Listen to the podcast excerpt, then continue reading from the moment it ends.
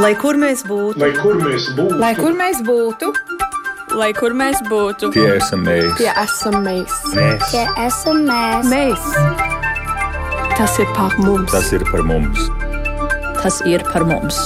Raidījums diasporai Globālais latvietis 21. gadsimts.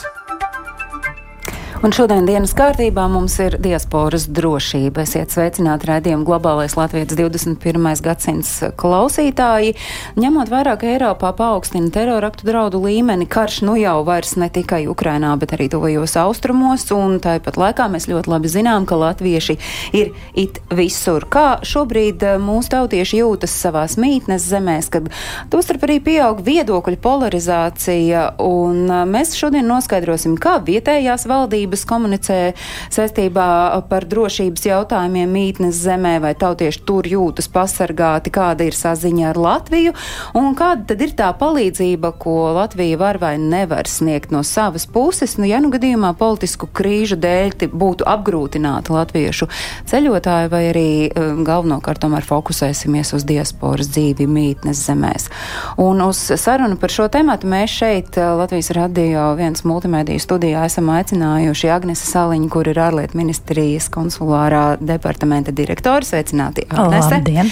Un attālināti, nu es atļaušos teikt, nu tādu puspasauli mēģinājām saslēgt šodien. Agnes Sauka ir no Latviešu biedrības Beļģijā, Toms Rātfelders ir Latvijas ārpolitikas institūta asociētais pētnieks, bet ir pieslēdzies agrā rīta stundā no ASV Delavēras universitātes. Viņš tur ir doktorants. Dāna Celma ir latvieta, kura dzīvo Izrēlē 14 15 gadu ir Latviešu biedrības vadītāja un viena no tiem aktīvajiem latviešiem Izrēlā, un savukārt Justīna Krēsliņa ir Eiropas Latviešu apvienības vadītāja, un mums ir pieslēgusies no Zviedrijas.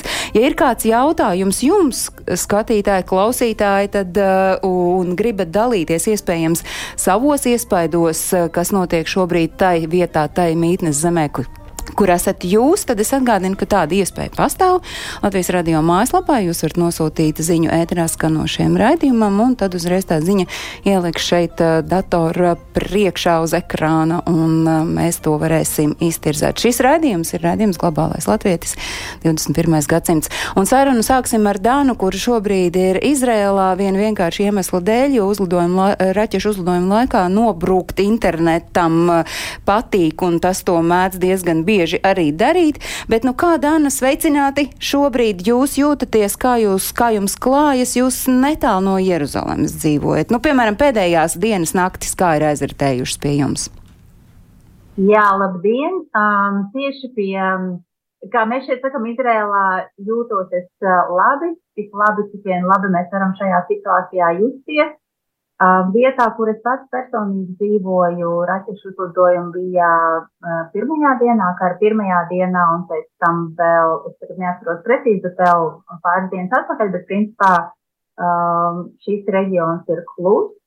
Netālu no Jeruzālēmas apšaudīta tiek intensīvi valsts centrālā daļa, pie televīzijas, un, protams, dienvidos viņš šādi tad arī notiek um, uh, apšaudas un kaut kādas aktivitātes ziemeļpusē, kur uh, Hezbollah aktivizējās. Um, bet uh, kopumā uh, valstī, kur nenotiek tāda, nu, ja var teikt, tieša kara darbība, tad tiek uzturēta tā ikdienas kārtība un, uh, piemēram, bērni iet skolā, uh, strādā iestādes un, un veikali, cik vien to var iespējams ir nodrošināti, jo, protams, liela daļa iedzīvotāji ir iesaukta armijā, kas ir bijuši rezervistos, un tā kā ir arī darbspēks trūkums, tad, nu, um, jā, kā jau sacīju, jūtamies labi, cik vien labi varam justies šajā, šajā situācijā. Kara pirmajās dienās pati bijāt ierauta diezgan aktīvi dažādos notikumos vajadzēja saistībā ar darbu, tie bija vairāk saistīti, tāpēc, ka, Dana, jūs darbojaties turisma jomā, un tad līdz ar to tās bija tādas karstākas tieši jums darba dienas. Jā, tā bija pašā, pašā pirmajā dienā ļoti, nu, ļoti tā, es nezinu, kā to pareizi pateikt, bet uh, tieši dienu iepriekš uh, mūsu grupa bija Zerot pilsētā, kas ir burtiski kilometru attālumā no, no gāzes, un, uh, un mēs pārskatījām šo te teritoriju un rādījām viņiem, un sestdienas rītā Piektdienas vakarā atbraucām atpakaļ uz Televīdu un sestdienas rītā pamodāmies ar, ar raķešu šāviņiem. Un um, grupa bija no Austrālijas. Viņi turējās maleči, bet, protams, un šoks bija visiem liels. Un tad uh, pirmo nedēļu mēs nopūlējāmies, lai dabūtu viņus ārā no valsts, jo uzreiz tika atcelt visi lidojumi, viņu plānotie lidojumi tika, uh, tika atcelti. Tā kā nācās uh, gan praktiski darboties, gan arī emocionāli atbalstīt cilvēkus, jo, protams, cilvēkiem, kas nav šeit bijuši un kas ar kaut ko tādu uzkrās pirmo reizi, tas šoks ir ļoti, ļoti liels. Un, un, um, jā, tā kā tiešām mēs uh, mēģinājām palīdzēt. Jūs sakāt, ka, protams, jūs jūtaties tik labi, cik vien labi var justies šādā situācijā šajā valstī, bet cik pavisam ir latviešu un kāda ir tā jūsu savstarpējā saziņa, vai ir kas, piemēram, mainījies uh, latviešu diasporā Izrēlā kopš uh, ir sācies karš? Jā, tā, tā mums, nu, mums ir tāda, par diasporu runājot, ir tādas divas, divas daļas. Ir, ir um, pilsoņi, ir cilvēkam ir uh, Latvijas pilsonība un pavisam kopumā uh, reģistros, um, uh, bez mēs esam pār pieciem tūkstošiem, bet lielākā daļa no tiem ir uh, Latvijas izcelsmes ebreji, kam ir dubultā pilsonība. Un, un tad mēs esam tāds, kas mēs esam kopienā, kas mēs darbojamies šobrīd tādi aktīvākie vai apzinātie. Mēs esam ap 50, kas lielākā daļa ir, ir latvieši vai, vai nu, ir arī Latvijas izcelsmes ebreji, kas, um, kas joprojām uztur saikni ar Latviju un kam ir radio un draugi Latvijā. Un, protams, kā ar pirmajās dienās mēs viens ar otru mēģinājām sazināties, lai saprastu, kā katrs jūtās, kur katrs atrodas jo mēs esam diezgan iztaisīti pa visu valsti. Mums ir arī cilvēki, kas ir pašos dienvidos, gan ne tieši kara darbības zonā, tieši, ne tieši gazas joslā, bet ļoti, ļoti tuvu. Es arī pats personīgi centos apzināt visu, ko, kas ir, kas ir sarakstos un, un saprast, kā katrs jūtās un kāda ir tā konkrētā situācija. Tā kā mēs esam tāds mazs pulciņš, bet šādās te, šādā te krīzes situācijā mēs mēģinām sazināties viens ar otru un arī uzmundrināt, un arī vienkārši apzināt, ko katrs, kā katrs jūtās, ko katrs domā. Nu, kāds ir tas noskaņojums, īpaši, ja ir jārunā par tiem latviešiem, kuri ir nu, tuvāk tiem notikumu epicentram?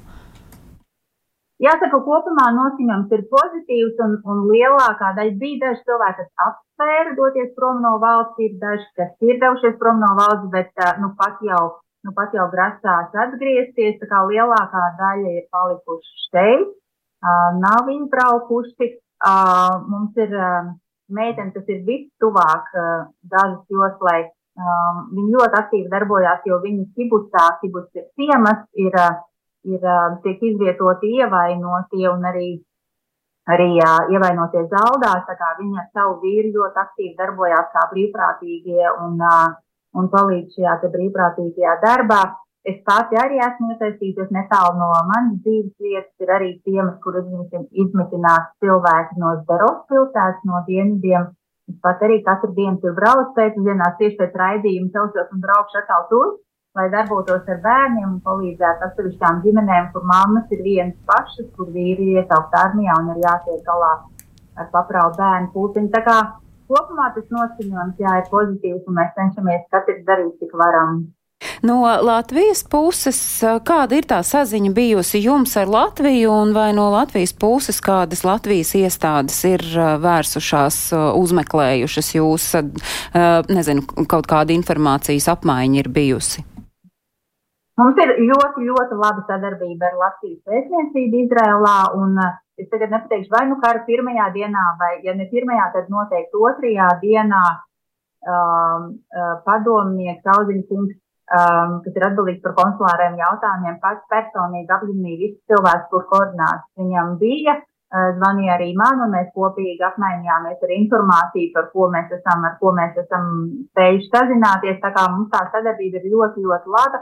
Mēs jūtamies uh, aprūpēti tādā ziņā un nejūtamies pamesti likteņa varā. Un ir arī vēstniecības mājaslapā un Facebook lapā ir izplatīta informācija. Tāpat bija izplatīta uzreiz informācija par pirmo evakuācijas lidojumu. Tā kā patiešām, patiešām mēs esam uh, jūtam šo te, šo te rūpi un um, un gādīt par mums no, no, no vēstniecības puses. Nu, un savukārt Izraels valdība, kā jūs informē par uh, drošības pasākumiem, vai no viņu puses arī jūs jūtaties pasargāti un drošībā? Jā, jā, pavisam noteikti, pavisam noteikti Izrēlā. Nu, protams, ir, ir, ir šī situācija. Es pat esmu 14 gadus šeit, un, un šis nav pirmais karš, ko es piedzīvoju, bet šis ir nu, vistraģiskākais notikums, ņemot vērā 7. oktobra notikums un arī tās operācijas mērogs ir vislielākais, ko es esmu piedzīvojis, bet informācija ir bijusi vienmēr. Un arī šobrīd um, um, armijas preses sekretārs uh, iet uh, mēdījos un ir preses konferences katru dienu.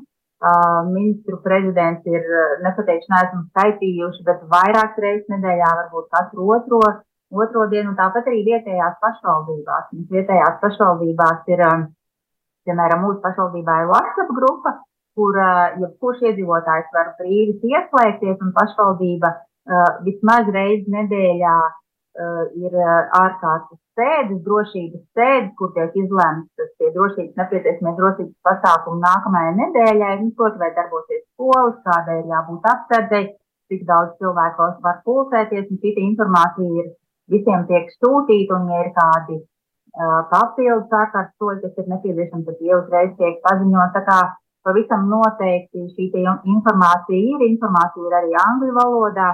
Armijas preses sekretārs runā gan ivritā, gan angļu valodā, tiek sniegts paziņojumi, tā kā cilvēki, es domāju, mūsu, mūsu, man liekas, kas ir mūsu kopienā, visi ir iemācījušies valodu, bet, teiksim, cilvēkiem, kas nesaprot ivritu, ir, ir informācija pieejama Tā kā mēs tiešām jūtamies, protams, nu, tādā apmērā, kādā viņi var mums paust, un, un, un, un um, uh, varbūt par nākamajiem iespējamiem soļiem mēs, mēs nezinām, bet, bet, uh, bet informācija ir. Nu, varbūt mazliet provokatīvs jautājums, pirms mēs dodamies tālāk. Nu, ir kaut kādi noteikumi, sajūtas pašai sevi iekšā, ka ir kādi brīži, nu, ka ir, būs viens mirklis, kad jūs teiksit, nu nē, es dodos prom no šejienes un uz kurieni tad doties? Šobrīd tādas sajūtas man nav. Es, uh, uh, protams, iekšā ir tā cerība, ka, pas, uh, ka situācija neeskalēsies un ka pamazām, pamazām norimsies. Un līdz ar to tāda sajūta, ka būtu jādodas prom, nav. Jo, kā es teicu, vienā no mūsu kopienas pāris gadiem, 18. novembra pasākumā, mēs esam um, tā, tā mūsu sirds ir dalīta. Mēs esam latvieši šeit, bet tā pašā laikā mēs esam pilntiesīgi Izraels iedzīvotāji. Mēs cenšamies tādi būt un tā kopības sajūta un tā sajūta, ka tev ir jāpieliek rokas tur, kur tu katrs, kuru mēs katrs varam pielikt roku, ir, ir, ir ļoti spēcīgi, jo Izrēlā ļoti aktīvi, ļoti aktīvi uh, arī šoreiz darbojās. Um, iedzīvotāji, tādas iniciatīvas, ir daudz un dažādas brīvprātīgo organizācijas, kas ir izveidotas. Un, Bet sakiet, un, lūdzu, vai latviešiem 18. novembrī šogad būs uh, pasākums? Mēs vakar izlēmām ar vēstnieku, ka mēs neorganizēsim vienkārši, jo, jo, tad, jo tad mūsu izpratnē pasākums tad būtu jāorganizē kā solidarizācijas pasākums ar Izraels valsti. Un nevis kā vienkārši priecīgs svēts pasākums, kur mēs svinam, atpūšamies un uh, tādā tradicionālā un, un diezgan grūti būs sanākt kopā, jo mums arī ir ģimenes locekļi, kas ir iesaukt armijā, un līdz ar to nu, diezgan sarežģīti būs noorganizēt. Um, līdz ar to mēs izlēmām, ka mēs šogad atliksim Iespējams, ka cilvēki, kas teiksim, mazākos pulciņos sanāk kopā kaut kur katrā ap, apkaimē, kur dzīvo, bet tādu lielāku pasākumu mēs atliksim un ar cerību, ka mēs to varēsim nosvinēt varbūt pēc mēneša vai pēc diviem. To mēs arī jums novēlam, un es sarunā iesaistu Agnes Saliņu ārlietu ministrijas konsulārā departamenta direktoru, tas, ko stāsta uh, uh, Dāna no Izrēlas. Uh, nu, jūs arī turat droši visu laiku to roku uz pulsu, un jūs zināt, kā latvieši jūtas tur esot. Jā, patiesībā man jāsaka, ka man ir, man ir prieks par to, ka mūsu novērojumi un tie secinājumi lielā mērā saistās ar to, ko, ko minēja jau Dānija iepriekš. Un, un, um, nu, jā, um, jāsaka tā, ka, protams, ka pirmajos brīžos ir ļoti liels apjukums šādās krīzes situācijās. Jo īpaši tad, ja tas ir tik ļoti negaidīti, uh, tad skaidrs, ka cilvēki īsti nezina, kā rīkoties un, un kā darīt uh, un kā būt tam dēļ teiksim, tā, mūsu departamentu un arī vēstniecības, kā Dana uzsvēra, galvenā loma šajā visā ir tieši sniegt informāciju cilvēkiem. Un, ja mēs runājam par informācijas sniegšanu, tad savukārt šeit Latvijā, es nezinu, kā tas ir, piemēram, Eiropā, tad plašsaziņas līdzekļos ārkārtīgi bieži tiek uzdot jautājumi par to, kā tad ir ar Ēģipti. Mēs tūdaļ uz pavisam īsu mirkli pieslēdzamies Ēģiptei, tur Hurgadā jau, nu, jau ilgu laiku dzīvo latviešu uzņēmēji Digna Digna Abuzeida, un viņa raksturo to situāciju, kāda ir šobrīd Ēģiptē. Mūsu latviešu diaspora Eģiptē ir apmēram 50 latviešu kopā ar bērniem. Citi aizbrauc, atbrauc, bet tos, kurus mēs esam apzinājuši aptuveni. Um, mums ir tagad jauns vēstnieks, Andris Razāns, kurš ļoti aktīvi sadarbojas ar mums, latviešiem, ar mūsu diasporu. Un, Tas ļoti, ļoti patīkami. Mēs esam patstāvīgi latvieši, kas dzīvo šeit. Līdz ar to par mums uh, rūpējās, un uh, mums ir ļoti laba saziņa ar uh, Latvijas vēstniecību Kairā. Mums ir pašiem izveidots WhatsApp chats, kur mums ir ļoti uh, saziņa un informācijas apmaiņa savā starpā. Ja nu gadījumā šeit būtu kāda ārkārtas situācija, bet uz doto mirkli mums viss ir mierīgi. Es ļoti daudz paskaidrojumu sniedzu latviešiem tieši, kur ceļo uz Eģipti, un arī mēģinu daudz arī komentēt uh, Facebookā un, un atbildēt. Man katru dienu apmēram atnāk desmit īsiņas, un telefons zvana, vai jums ir mierīgi, kāda ir situācija. Jā, mums ir viss mierīgi, tā visā Eģiptē mums ir viss mierīgi, ir mierīgi Hurgadā, ir mierīgi Kairā, Luksorā. Viss notiek, ekskursijas notiek, cilvēki atpūšas, satraukuma nav pamata. Kā mēs paši jūtamies? Mēs jūtamies mierīgi. Atceramies, ka Eģipte ir armijas valsts, un armija šeit ir ļoti spēcīga, un prezidents viss dara, lai aizsargātu robežas un aizsargātu arī iedzīvotājus. Jūtamies droši šeit, nav nekāda satraukuma pamata. Uh, Tā kā pagaidām viss ir mierīgi un cerams, ka arī tā turpināsim. Tūlīt pat svinēsim 18. novembra svētkus, satiksimies visa diaspora Kairā. Un uh, ceram, ka viss arī tā turpināsies un būs mierīgi. Tā kā droši brauciet, temperatūra ir 31 grāds siltums, un uh, um, cilvēki atpūšas un bauda un, un neizjūt. Uh, nekāda satraukuma šeit. Protams, kad presē Latvijā ir ziņas satraucošas un liekas, nē, nevar lidot šeit, bet tāpat Vācija un, un Šveice un Dažas, da, daudz citas Eiropas valsts joprojām lido, un šeit nav nekāda ārkārtas situācija, un nav nekāda ārkārtas situācija izsludināta. Tā kā mm, viesnīcas ir pilnas uz doto mirkli, jā, varbūt kādi ir atcēluši tos reisus uz Šarmelšēku, bet tas, lai optimizētu lidojumus uz šejieni un šos cilvēkus, kas ir bijuši Šarmelšēkā, viņus pār, pārliek uz Hurgadas viesnīcām vai uz Marsalām. Tā kā ceļojumi notiek, un rīt jau atkal gaidām jaunus turistus. Tā bija Digna Abuzeida, kur dzīvo Hurgadā. Pie droši brauciet pie mums eh, konsulārā departamenta direktora mazliet eh, sagrozīja galvu. Nē, nav jau tik traki. Uh, Nu, tieši tā īstenībā jau uh, viss ir atkarīgs no tā, ar kādu mērķi un kā cilvēks dodas un, un, un kāds viņam ir plānots ceļojums. Jo īpaši, ja cilvēks lido ar, uh, ar tātad, uh, licencētu tūru kompāniju, kur viņam viss ir organizēts un viss ir saka, saplānots, kur viņš būs, kur dzīvos, kā lidos, tad jau tiešām nav nekādu problēmu ar to. Tas, ko mēs no savas puses vienmēr sakam, kad ir uh, jāievēro piesardzība. Jo, kā jau arī uh, Digna minēja, Eģipte ir mili, nu, nu, kopumā ir diezgan militarizēta, tur ir daudz uh, armijas un viss tiek uzraudzīts. Līdz ar to, ja cilvēks neko nepārkāpj un visu ievēro un seko visām rekomendācijām, tad jau ir visam jābūt kārtībā. Tas, no kā mēs vienmēr uh, sakam, izvairīties, ir uh, nu, kaut kādu pārgalvības, kaut ko ārpus, uh, ārpus tā, kas ir noteikts.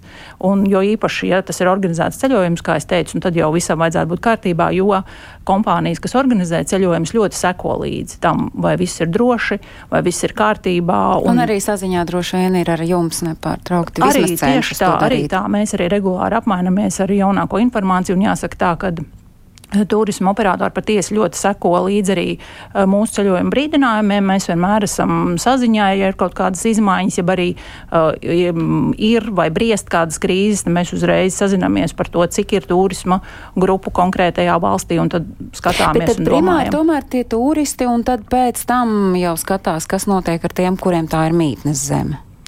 Jā, Tā, tā arī ir, jo, mm, jo protams, kad turisti ir tie, kas tur ir uz laiku aizbraukuši, un viņi daudz sliktāk noteikti orientēsies vietējos visos noteikumos, viņi nezinās tik labi vietējās visas paražas likumus un tā tālāk. Tamdēļ, protams, ka primāri orientējās uz tiem, kas atrodas īslaicīgos ceļojumos. Bet, protams, ka arī, arī diaspora ir svarīga, bet nereti jau ir tā, ka, kā jau arī mm, iepriekš.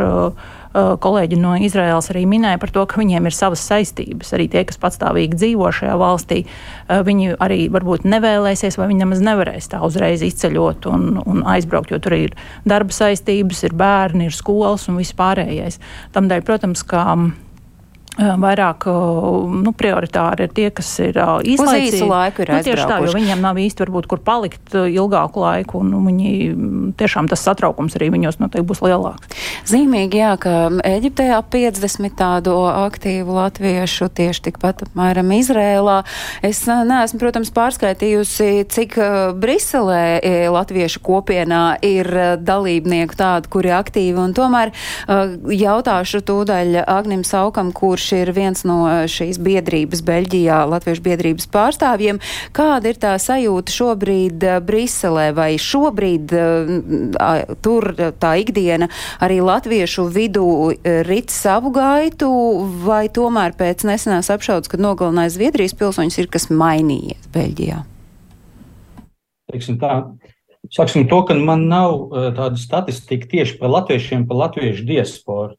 Es arī gatavojoties, ka jūs man uzrunājat par šo raidījumu, aptaujāju draugus, paziņas, eh, ģimenes draugus, kā viņi jūtās. Nu, tā kopējā temperatūra, teikt, kad ir vairāk, ir neteiksim nedrošība, bet nu, tāda piesardzība nekā tāda pilnīga drošība. Un, un, un parasti jau tās. Nu, tā attieksme nāk caur personisko prizmu. Kādam varbūt uh, Uh, ir, ir negatīva pieredze no iepriekšējā terora akta, kas bija 2015. gadā, kad tur tiešām nu, tie pat nebija divi cilvēki, tur bija pāri pa simts dažādās pilsētas malās koordinēta terora, terorista teikt, uzbrukums. Tur cilvēki, latvieši gan tur neviens neciet, paldies Dievam, bet nu, bija tādi, kas, piemēram, parasti strādā un, un kāp laukā tajā metro stācijā, kurā notika sprādziens, un, un daudz no mums ir bijuši tajā lidostā. Tad, nu, Nu, bija, ir man tāda ģimenes drauga, kas, piemēram, metro vairs nelieto kopš, kopš tā laika, brauc uz darbu ar privāto auto. Ja jūs man jautājat, man personisko tādu sajūtu, nu, es jūtos droši. Man vairāk uztrauktu, ka man, nezinu, dzīvojot lielpilsētā, ka man nenotiec auto vai, vai tas, ka skolās narkotikas bērniem ir pieejams, nekā tas, ka man varētu kāds uh, islāma fundamentālists uzspridzināt. Bet uh, valdība kā komunicē par notikušo un vai ir arī pastiprināt drošības pasākumi, jo bez, pēc um, iepriekš pieminētā terora akta 2015. gada ziem, rudens ziemā es biju Briselē, protams, ir ļoti mulsinoši, ka uh, nu, tādos svarīgākajos punktos ir, ir militāristu klātbūtne ar ieročiem, vai, vai šī situācija ir atgriezusies, vai, vai tas tā nav? Nu, toreiz tas tā turpinājās vairākus mēnešus, vai pat tik ne gadu. Tas tiešām tur bija redzēt. Uh, militāristus līdz zobiem bruņotus uh, staigājumu pa pilsētu. No vienas puses tas ir drošāk, no otras puses nu, tas arī tāds - bet tagad viņi rāda, ir, tev... bet tagad viņu ir, vai pēc Nē, šiem nav, notikumiem bija, tas bija? Bija paaugstināta tāda bīstamības, um, paaugstināta drošības um, brīdinājums dienu pēc. Un es pieņemu, tie drošības dienestiem tur vajadzēja saprast, kas notiek, kas, kas nenotiek. Un tagad bija skaidrs, ka tas ir viens individuāls gadījums, ka tur nav jāuztraucās par kaut kādu tādu, nezinu, teroristu koordinētu rīcību, tad tas drošību, drošības eh, risks vairs nebija tik liels. Nu, runājot, es tagad tad visiem jautāšu pēc kārtas, nu, pēc tā raksturojuma, ko Agnes saka par noskaņojumu latviešiem Beļģijā, tad 18. novembra pasākumi visticamāk būs un nav nekādu pamatu tos mainīt, atcelt vai pārcelt, gaidot drošākus laikus. Ei, nu sadzina, kad mēs vispār tādos nonāksim. Beļģijā, jā, jā, mēs tam gatavojamies un, un, un ceram, ka būs arī kukli apmeklēts no tautiešu puses. Paldies, Agnes Sauka no Latviešu biedrības Beļģijā, bet Zviedrija ir piesaukta un Zviedrijas premjerministrs Ulfs Kristersons pēc jau pieminētās apšaudas Briselē, kur gāja bojā Zviedri, sacījis, ka Zviedrijai nekad jaunajos laikos nav bijuši tik lieli drošības draudi un sarunā iesaistīšu Justīnu Krēsliņu, kur dzīvo Zviedrijā un ir Eiropas Latviešu apvienības vadītāja. Kā kā klājas šobrīd Zviedrijā gan pašiem zviedriem, gan arī latviešu kopienai? Um, labdien un paldies! Um, es gribētu šeit atsaukties uz drusku to līdzīgi, kā Agnes to jau um, izteica, ka principā es domāju, ka latviešiem un, un vietējiem zviedriem ikdienas atšķirības lielas nav. Um, mēs visi esam un kustamies ļoti līdzīgi mūsu sabiedrībā. Un tā ticamība, ka mēs varētu nonākt nepareizā vietā, nepareizā brīdī, mums visiem tikpat liela. U, jo tas, kas ir jūtams, ir vispārējais pasaules hauss. Um, un šis hauss ir tik neparedzams, ka um, arī runājot jau uz nākošo soli par to, ko, ko valdība varētu darīt un kādus soļus viņi varētu spērt, lai, um, cens, cens, lai censtos mūs kaut kā nodrošināt, ir uh, gandrīz vai neiespējami. Vienkārši nav, nav, nav pareģojami īsti, um, kas, kas notiek un kas, kāds varētu būt nākošais attīstības solis. Kā valdība vispār komunicē saistībā ar šo situāciju, ko, nu, kas tā kā atsaukusies ir pēcāk Zviedrijā pēc notikumiem eh, Beļģijā? Kaut kādi drošības pasākumi ir ieviesti vai, vai absolūti nē, nu tā dzīve vairāk vai mazāk, ja mēs nu, no tāda emocionālā viedokļa raugāmies, mēs saprotam, ka jā, nu, tas nav vairs tā, kā bija agrāk, bet, bet tīri praktiski. Zviedrijā jau tagad vairākus, uh, vai es tagad sāku muldēt, vai nedēļas, vai mēnešus ir pa paaugstināts terora grāds, uh, terorisma līmenis. Uh, tagad ir nav visaugstākais, bet ir otrais augstākais.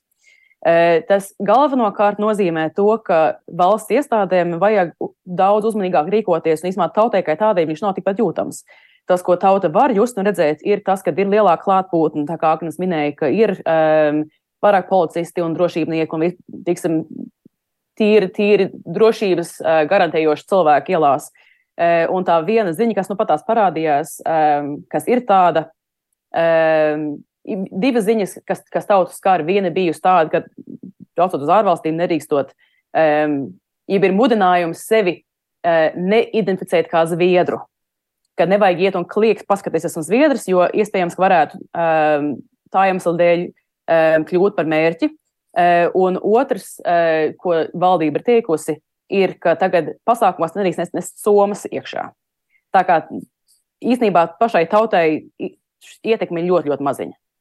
Ja runājam par uh, to, kā kaut kādi šie drošības pasākumi varētu atsaukties uz diasporu, nu, iespējams, mazinoties finansiāliem atbalstam, kas ir migrantiem Zviedrijā, tas varētu arī skart iebraucējus no Austruma Eiropas. Vai es pareizi saprotu, teiksim, ka tas, tas finansējuma samazinājums arī skars diasporu? Jā, viņš skar. Viņš visaugstākā līmenī skar, jo diasporas, Latvijas diasporas finansējums Zviedrijā tika balstīts uz um, Zviedrijas etnisko nevalstisko organizāciju uh, kategorijas, teiksim, nu, kategorizēšanu. Un šobrīd visām etniskām organizācijām, neskatoties uz to, no kurienes viņas nāk, tiek griezts viss valsts finansējums. Um, tāpat arī tiek grieztas um, mājas, ir mācību valodas apmācības skolās, kad iepriekš vajadzēja um, vienā pašvaldībā atrasties pieciem bērniem, lai skolai būtu jāgarantē uh, mājas, valsts, mājas valodas apmācība tagad ir vienā uh, skolā, jābūt pieciem bērniem. Un tādai mazai tautai kā, kā um, latviešiem mums ir daudz grūtāk atrast piecus bērnus vienā skolā nekā vienā pašvaldībā, ja nu mēs atrodam vispārībā mūsu latviešu bērns kādā pašvaldībā. Tad tas nozīmē, ka latviešu diaspora, nu, ja jāteic, šobrīd eh, jūtas nu, tik droši, cik droši var justies jebkur uh, Eiropā visticamāk, tad uh, ilgtermiņā raugoties, nu, to vēl mēs varam vērtēt un skatīties, kā tas tieši ietekmēs diasporu Zviedrijā. Bet uh, jautāšu Justīnai arī, kā Eiropas Latviešu apvienības vadītājai, tāda kopējā diasporas sajūta par Eiropu runājot, nu, ir tāda varbūt trauksmaināka, vai tomēr, nu, katrs saprot, nu, ka tā pasaule ir tāda, kāda tā ir, un, un, un tas nenozīmē, ka tad uzreiz braukt mājās, jo kas tad te var būt citādi, tad tieši tāpat eh, tas tie riski var būt. Skatoties no tādas uh, vis, pla, visas plašās Eiropas uh, perspektīvas, um, uz matu, kā, um, kā arī tika teikts, mēs esam tikpat nedroši itin visur. Tā vienīgā atšķirība ir tāda, ka kamēr mēs esam mobili un kustamies, mums iespējams ir ierobežots vai nu zināšanas, vai arī iespējas um, šobrīd mītnes valstī dabūt nepieciešamu atbalstu vai palīdzību. Um, tas var sākties ar, ar vienkārši zināšanu līmeni, kur griezties un kā, kā, kā pieteikt, vai arī, arī faktiski par uh, reālo palīdzību, kas ir pieejama uh, nesot savā mītnes valstī, jeb savā, savā dzimtenē. Bet uh, Eiropas Latviešu apvienībai šobrīd nu, nav tā, ka būtu pastiprināti vairāk uh, darba saistībā ar, ar, ar tautiešu atrašanos dažādās Eiropas valstīs. Vai tomēr? Uh, šobrīd mums nav. Mums ir um, cieši kontakts ar vairākām mūsu biedru organizācijām, kurās uh, šobrīd notiek lielas pārmaiņas, bet um, nav tā, ka mēs esam uh, paaugstinājuši savu darbību un uh, darbošanos visā visumā. Proti, saistībā tieši ar drošības jautājumiem. Uh, šobrīd uh, pārcelsimies pāri okeānam. Es esmu pateicīga Tomam par pacietīgu gaidīšanu līdz tikšanai pie vārda. Nu, pēdējā laikā jūsu vārdu mēs asociējam ar pētnieku, un jūs tieši pētni, p, nu, fokusējaties tuvo austrumu pētniecībā, bet šobrīd pirmais jautājums būs kā diasporas pārstāvim Amerikas Savienotajās valstīs. Tās jūsu personīgās sajūtas atrodoties Amerikā, jūs esat Delavērā, kas, nu, ir netālu no Vašingtonas, tādos Amerikas mērogos turpat blakus varētu teikt. Kāda tad ir tā jūsu sajūta par to, kā jūs jūtaties Amerikā? Nu, pagaidām, um, līdzīgi kā iepriekšējā runātāja teica, nejūtu baigo apdraudējumu. Um, uh, es esmu mēģinājis arī sekot līdzi um, nu, tām diskusijām, kas te notiek par Izraels-Palestīnas konfliktu ASV, um, izskatās, ka pagaidām uh, nu, tā sašķeltība, ko mēs runājām, tā noteikti tāda tā kā tāda interneta debašu līmenī, respektīvi, nu, ka mums ir pro-Izraels noskaņotie cilvēki pret pro-Palestīnas noskaņotiem cilvēkiem. Um, dažās esmu lasījis arī augstskolās ASV ir uh, bijuši tādi, tā kā, nu, vairāk antisemītiski incidenti, uh, vai arī, nu, tādi, nu, ka cilvēki tiešām iet ielās, lai izteiktu atbalstu palestīniešiem. Un arī pirms nedēļas uh, prezidents Baidens uh, nāca nu, klajā ar paziņojumu, ka, respektīvi, viņš ir gatavs palīdzēt tieši augstskolu nu, teiks, kā, administrācijām, vadībām tikt galā ar no, šo tādu tā kā vairāk tādu politisku lādēto sentimentu. Bet nu, manā, per, nu, manā paša personīgajā dzīvē nu, vienīgais, ar ko es saskāries, nu, ka, nu, es studēju politikas zinātni, tad arī starptautiskās attiecības, tad mēs tieši vairāk semināros arī pievēršamies, pievēršamies nu, šim tematam un sakojam tam visam līdzi, vairāk vai mazāk. Uh, nu, tāda būtu tā, tā mana um, vispārīga atbilde, teiksim tā. Bet nu, šobrīd, klausoties jūsos, tāda tā kopējā drošības situācija gan Amerikā, gan Eiropā, nu, tad, nu, tā, tādiem milzu nemieriem nevajadzētu gatavoties. Es te runāju arī par tām, nu, par tām valstīm, kur, kur, kur latvieši ir un latvieši ir gandrīz visur. Vai, vai tas varētu palikt tādā, kā, kā jūs minējāt, tādā komentāru līmenī? Nu, ļoti, ļoti daudz būs atkarīgs uh, tiešām, cik būs daudz šie upuri, um, ko Izraela, teiksim, um, Gāzes joslā veicot savu operāciju veiks. Jo, nu, arī esmu teicis iepriekš komentāros, ka Hamas ir izdevīgi ka Izraela vairāk, vairāk sasmērējās, jo tad potenciāli var, iz, var pieaugt arī pret Izraelu starptautiskais spiediens, it kā nu, mēģināt Izraelu iegrožot. Pagaidām es neredzētu, ka tādi tādas lielas demonstrācijas pasaulē notiek, bet ļoti daudz būs arī atkarīgs, protams, no šī konflikta risinājuma, jo pagaidām vienkārši mums ir ļoti daudz vēl nezināmā. Mēs, teiksim, nezinām, ko Izraela darīs tālāk, kad tā būs, teiksim, nu, iztīrījusi ziemeļgāzu no Hamas.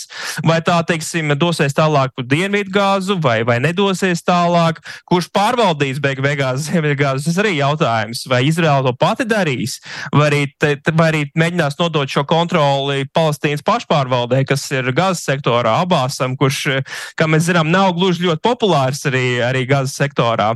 Tāpēc ļoti, ļoti daudz nezināmā vēl mums vienkārši jāvēro.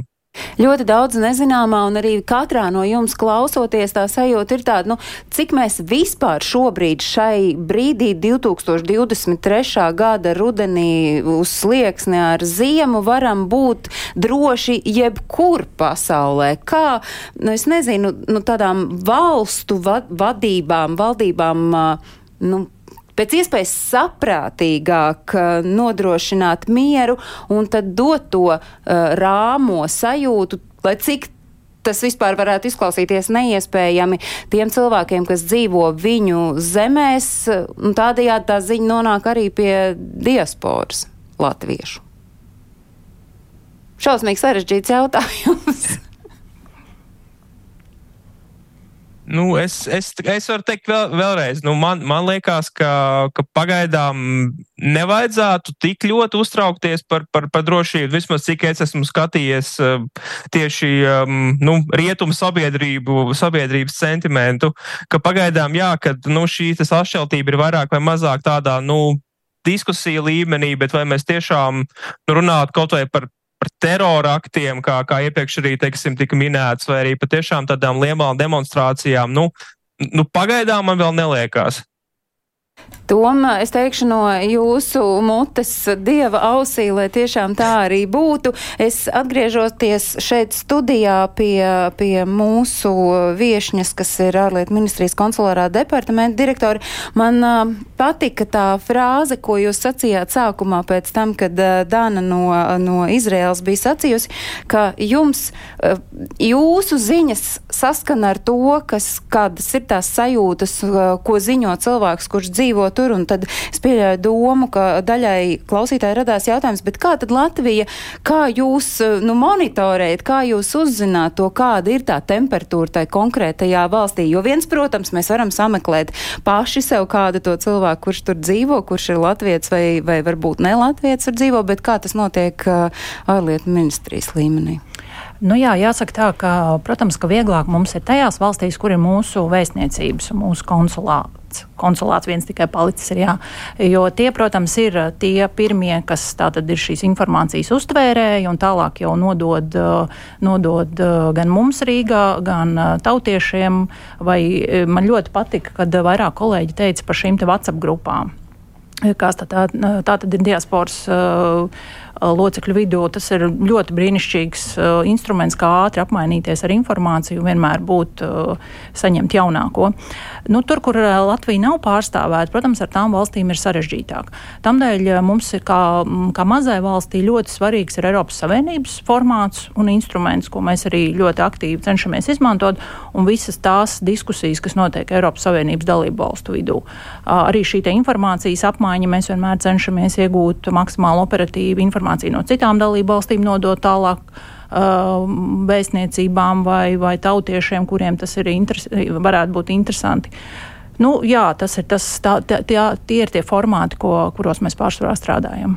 Kā varbūt šobrīd skaidrs, ka latvieši ir bijuši mobili, braukās, pārcelsies, dosies dzīvot uz citām valstīm arī nu, tādos salīdzinoši, nu, nu, nevarētu teikt ļoti nemierīgos, bet nu, tādos iespējams tādos trauslākos laikos. Kā pieņemt lēmumu, kur ir droši dzīvot, doties, braukt, nevis tikai vienkārši ceļojumā, bet braukt arī pārcelties? Uh, jā, nu, pārcelšanās un, un, un ceļojums laikam būs dažādas lietas, jo nereti jau cilvēki pārceļās tieši, ka viņiem ir kaut kādi uh, objektīvi apstākļi, kamdēļ tas nepieciešams. Bet uh, mēs jau, jau ilgu laiku skandinām mūsu ceļojumu brīdinājumus, kas ir pieejami ārlietu ministrijas mājaslapā un kurus mēs arī regulāri caurskatām un um, atjaunojam. Nu, te, protams, izvēloties konkrēto valsti, var būt vairāk kritēriju. Tie ir drošības apsvērumi, par kuriem mēs jau šobrīd esam plaši runājuši, gan arī, nezinu, klimats, dabas katastrofu iespējamība. Tāpat arī apstākļis, vai šajā konkrētajā valstī ir vai nav Latvijas pārstāvniecības. Tas attiecīgi, mm, kā saka, pavalkt līdzi to, vai cik operatīvi mēs varēsim, nevarēsim palīdzēt, vai būs pieejama informācija. Nu, tas ir tāds jautājumu komplekss, kurš noteikti ir katrā individuālā gadījumā jāizvērtē un, un jāskatās. Jebkurā gadījumā šodienas tāda lielā atziņa, ka WhatsApp grupas, kas reizēm var nokaitināt un izbesīt patiesībā dzīvojot diasporā, dzīvojot ārpus Latvijas, nesot Latvijas diasporas sastāvā, īstenībā iespējams kādu dienu var ļoti labi noderēt. Es vēlot visiem mierīgu un rāmu gan šo vakaru, gan visu atlikušo laiku un vēlot arī tiem, ar kuriem mēs satikāmies šodien attālināti. Un visticamāk, līdz 18. novembrim netiksimies, lai jums ir priecīga Latvijas dzimšanas diena. Un paldies, ka jūs šai reizē bijāt kopā ar mums. Agnes Sauka, Latviešu biedrība Beļģijā, Toms Rātfelders uh, no Latvijas ārpolitikas institūta asociētais pētnieks, kurš šobrīd ir Amerikā. Dāna Cēlma ir no Izraēlas un savukārt Justīna Krēsliņa, Eiropas Latviešu apvienības vadītāja no Zviedrijas. Un, protams, paldies arī Agnesē Saliņai, ārlietu ministrijas konsulārā departamenta direktorē šeit. Uh, Latvijas galvaspilsētā Rīgā Doma laukumā 8. Atgādinu, ka visi svarīgie notikumi, kas ir saistīti ar latviešiem, kuri dzīvo ārpus Latvijas, meklējam portālā latviešu.com, un šis raidījums skan atkārtojumā katru svētdienu uzreiz pēc ziņām trijos. Paldies un uz tikšanos citu reizi tā!